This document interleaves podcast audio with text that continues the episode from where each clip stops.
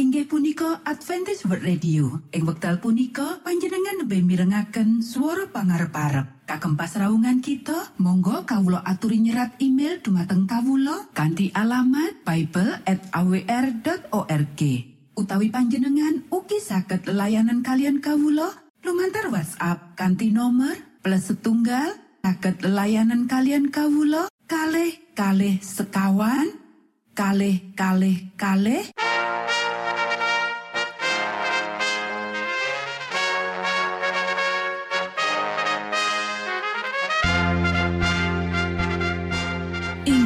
punika Adventis World Radio ingkang giaran kanti basa Jawi. Tentrem Rahayu Kulo aturaken kagem poro Mitra kinasih ing pundi papan lan panggonan.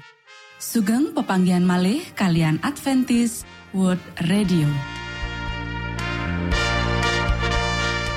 Kanti bingahing manah Kulo badi sesarengan kalian poro Mitra kinasih lumantar saperangan adicara ingkang sampun rinonci mligi kagem panjenengan sami. Mugi giaran punika saged migunani tuwin dados berkah kagem kita sedaya. Sugeng midhangetaken Gusti amberkahi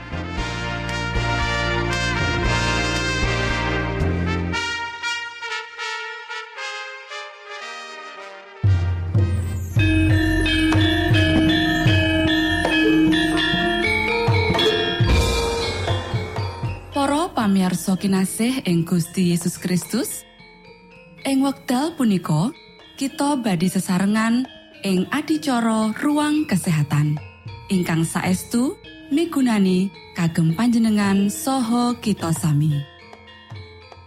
Tips utawi pitedah ingkang dipun aturaken ing program punika tetales dawuhipun Gusti ingkang dipunnyatakaken ing kitab suci. Semantan ugi sakehing seratan ingkang dipun wangsitaken dening Gusti Allah. Nanging saderengipun monggo kita sami midhangetaken kidung pujian.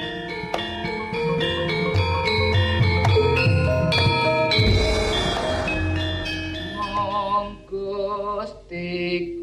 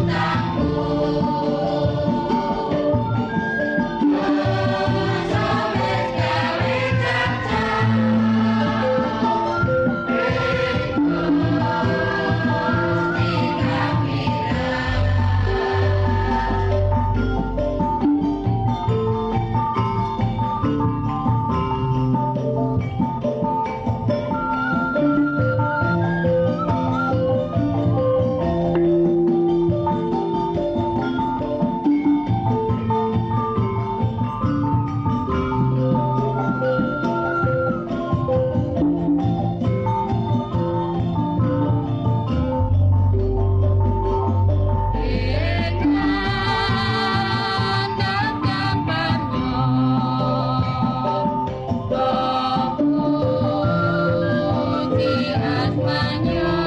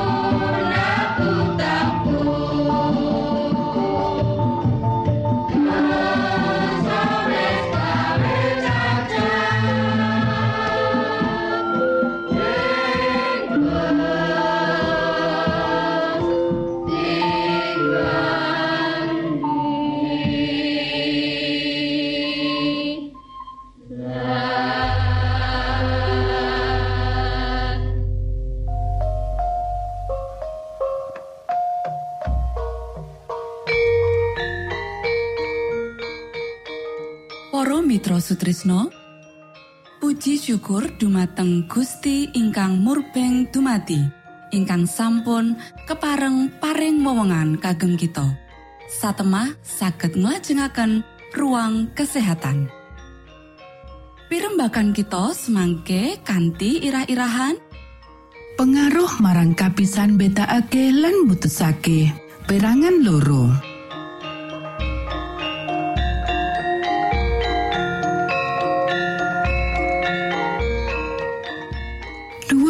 dumateng para pamiarsa ingkang dahat kinurmatan sugeng pepanggian malih kalian kula Isti Kurnaidi ing adicara ruang kesehatan. Dinten punika kanthi irah-irahan pengaruh marang kapisan beta ake lan mutusake perangan loro. Para sedherek ingkang kinasih saperangan wong ngolok-olok pakaryan reformasi iki lan ngandhakake iku ora perlu menawa iku sawijining rangsangan kanggo ngalihake pikiran saka kebenaran wektu iki. Dheweke ngandhakake menawa bab iku banget digedhek-gedhekke.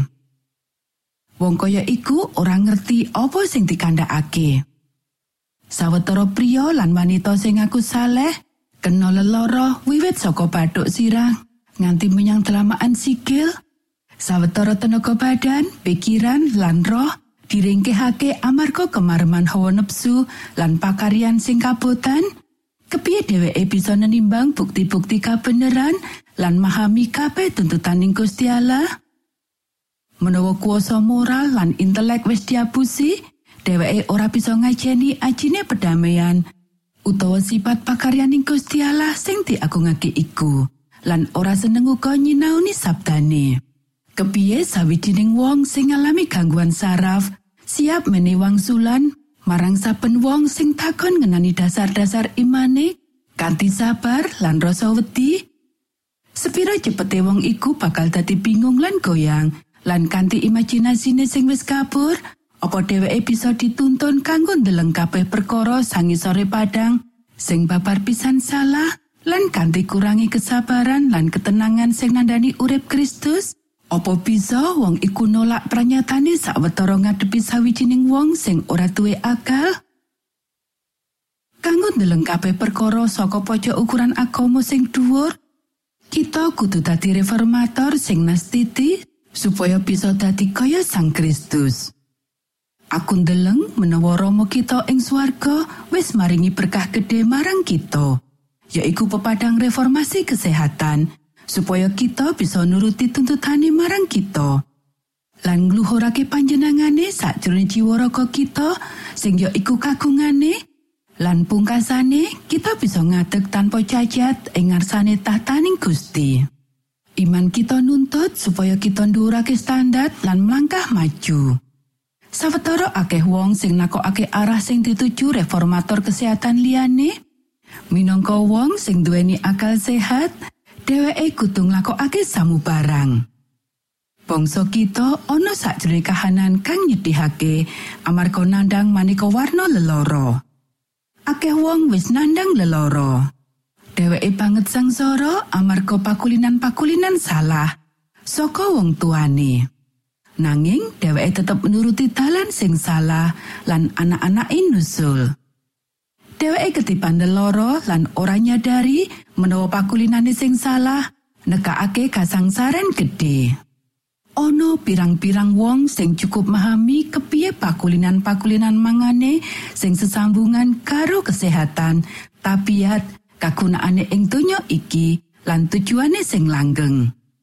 Aku ndeleng menawa ya iku tugas kanggo dheweke sing wis nampa pepadang saka swarga lan sing wis nampa kauntungan menawa mlaku ing sakjroning kanggo nyatakake kepinginan sing luwih gedhe kanggo wong-wong sing isih nandang sangsara amarga kurang pangerten. Para pangrumat sahabat sing wis ngenteni karawuhan juru wilujeng, kutune dadi wong sing ora nyatakake kurangi minat sakjroning pakaryan reformasi sing gedhe iki. Pria lan wanita kutune dididik lan para pendeta lan wong awam kudu rumangsa menawa beban pakaryan iku manggon ana dheweke kanggo mulangake lan negesake marang wong liya. Para sederek, pakulinan-pakulinan fisik, nyokong peranan wigati kanggo kemajuan saben wong. Luwih teliti kue sakjroning papanganan, luwih prasaja lan tanpa bahan perangsang, mula luwih mantep pertahanan badan sakjroning kegiatan sing seimbang lan luwih cetha konsep ngenani kewajibanmu. Saben pakulinan lan praktek urip kudu diteliti kanthi nastiti supaya karinggihan badan ojo nudungi kabeh samu barang. Matur nuwun, Gusti amberkahi.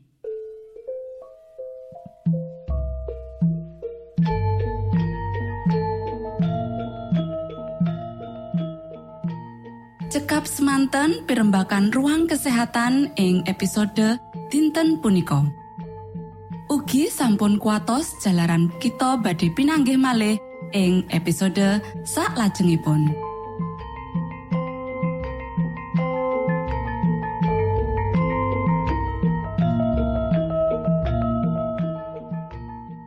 Inggih punika adicara ruang kesehatan. Menawi panjenengan gadah pitakenan utawi ngersakaken katrangan ingkang langkung, monggo kulo aturi. Kinton email dateng alamat ejcawr gmail.com utawi lumantar WhatsApp kanti nomor 025 pitu 00 songo songo papat 00 pitu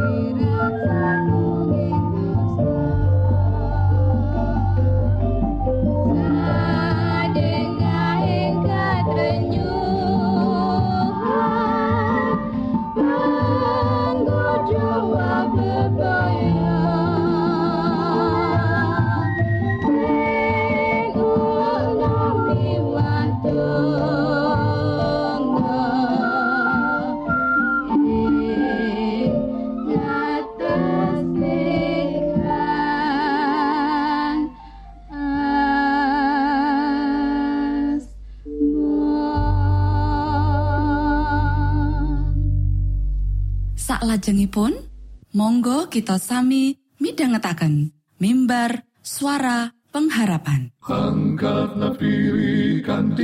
pawarto Sang Kristus paderamu. Pro umat samyo puji asmanyo Sang Kristus paderamu. Inggih punika mimbar suara pengharapan. Ing episode punika kanthi irah-irahan Misi marang pepodo. sugeng minangka tondo Sang Kristus paderamu Ilmu kawero tambah tambah Sang Kristus paderamu Paderamu Paderamu Sang Kristus paderamu Shalom para pamiarsa ingkang kinasih wonten ing Gusti. Sakmenika kita badhe mitangetaken renungan Sabda pangandikanipun Gusti. Ing dinten punika kanthi irah-irahan misi marang pepodo. Para sedherek ingkang kinasih, dawuh pangandikane Gusti ing kitab Lukas pasal 10 ayat 17 yaiku Atur wangsulane wong iku Koe tresnoa marang pangeran Allahmu kalawan gumolonging nyawamu sarta sakabehe kekuatanmu dene kalawan gumolonging budimu? Lan marang sepepadamu dikaya marang awakmu dhewe. Para sederek kita kabeh padha mangerteni ayat iki ananging katresnan kita marang Gusti Allah bisa dadi cedhek menawa kita kandha menawa kita tresnani Gusti Allah nanging ora mituhu dawing Gusti Allah. Kita mikir menawa kita uga isih tresnani Gusti Allah nanging kepiye katresnan iki dituduhake ing sakjroning panguripan kita ing saben dinane? Para sederek, tresnani Gusti Allah mbutuhake manteping ati, nyawa, raga, lan sakabehing pikiran kita saben dina. Sapa wae bisa kandha menawa dheweke kuwi tresna marang Gusti. Nanging nglakoni bab iki mbutuhake upati kang temen-temen disadari. Nanging senadyan tresna marang Gusti Allah kuwi apik lan wigati, Gusti Allah ngersakake supaya kita uga tresnani marang pepodo kita. Awit katresnan kita marang pepodo nggambarake katresnan kita marang Gusti Allah lan iku bener-bener katon ing sakjroning cara kang bener-bener nyoto lan duweni pangaribawa kang kuat. Para sedherek ingkang kinasih, ing kitab Yohanan pasal papat ayat rong puluh keserat. Menawa ana wong kang muni, aku tresno marang Gusti Allah, mongko sengit marang sedulure, iku wong goroh. Awit wong kang ora tresno marang sedulure kang kasat mripat, Kapiye anggone bisa tresno marang Gusti Allah kang ora katon? Rasul Paulus uga ngendika ing kitab Galati pasal 5 ayat 14.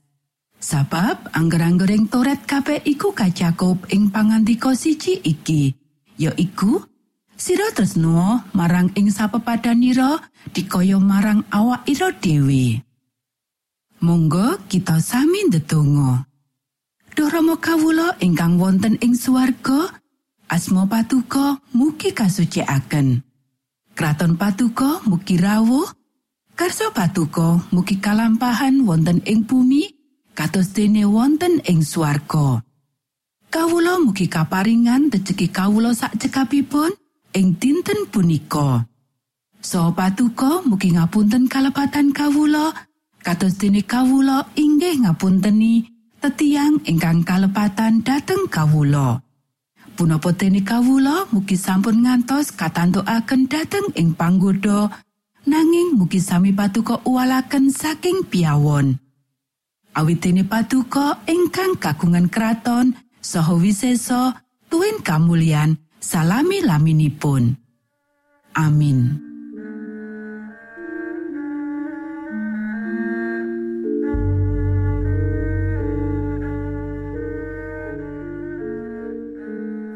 Mitra Sutrisno manungsa kinasih ing Gusti Yesus Kristus. Sampun paripurno pasamuan kita ing dinten punika. Menawi panjenengan gadah pitakenan utawi ngersakaken seri pelajaran Alkitab suara nubuatan, Monggo Kulo aturi kinton email dateng alamat ejcawr gmail.com utawi lumantar WhatsApp kanti nomor 025 pitu 00 songo songo papat 00 pitu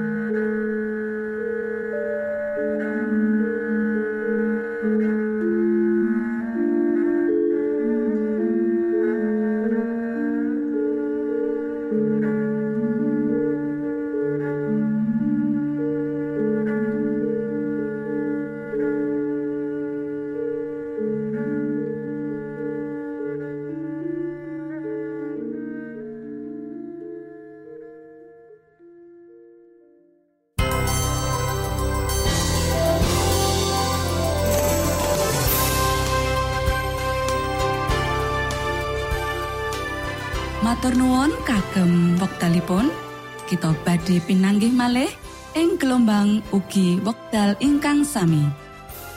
Saking studio kula ngaturaken tentrem rahayu. Gusti amberkahi kita sedaya. Maranata.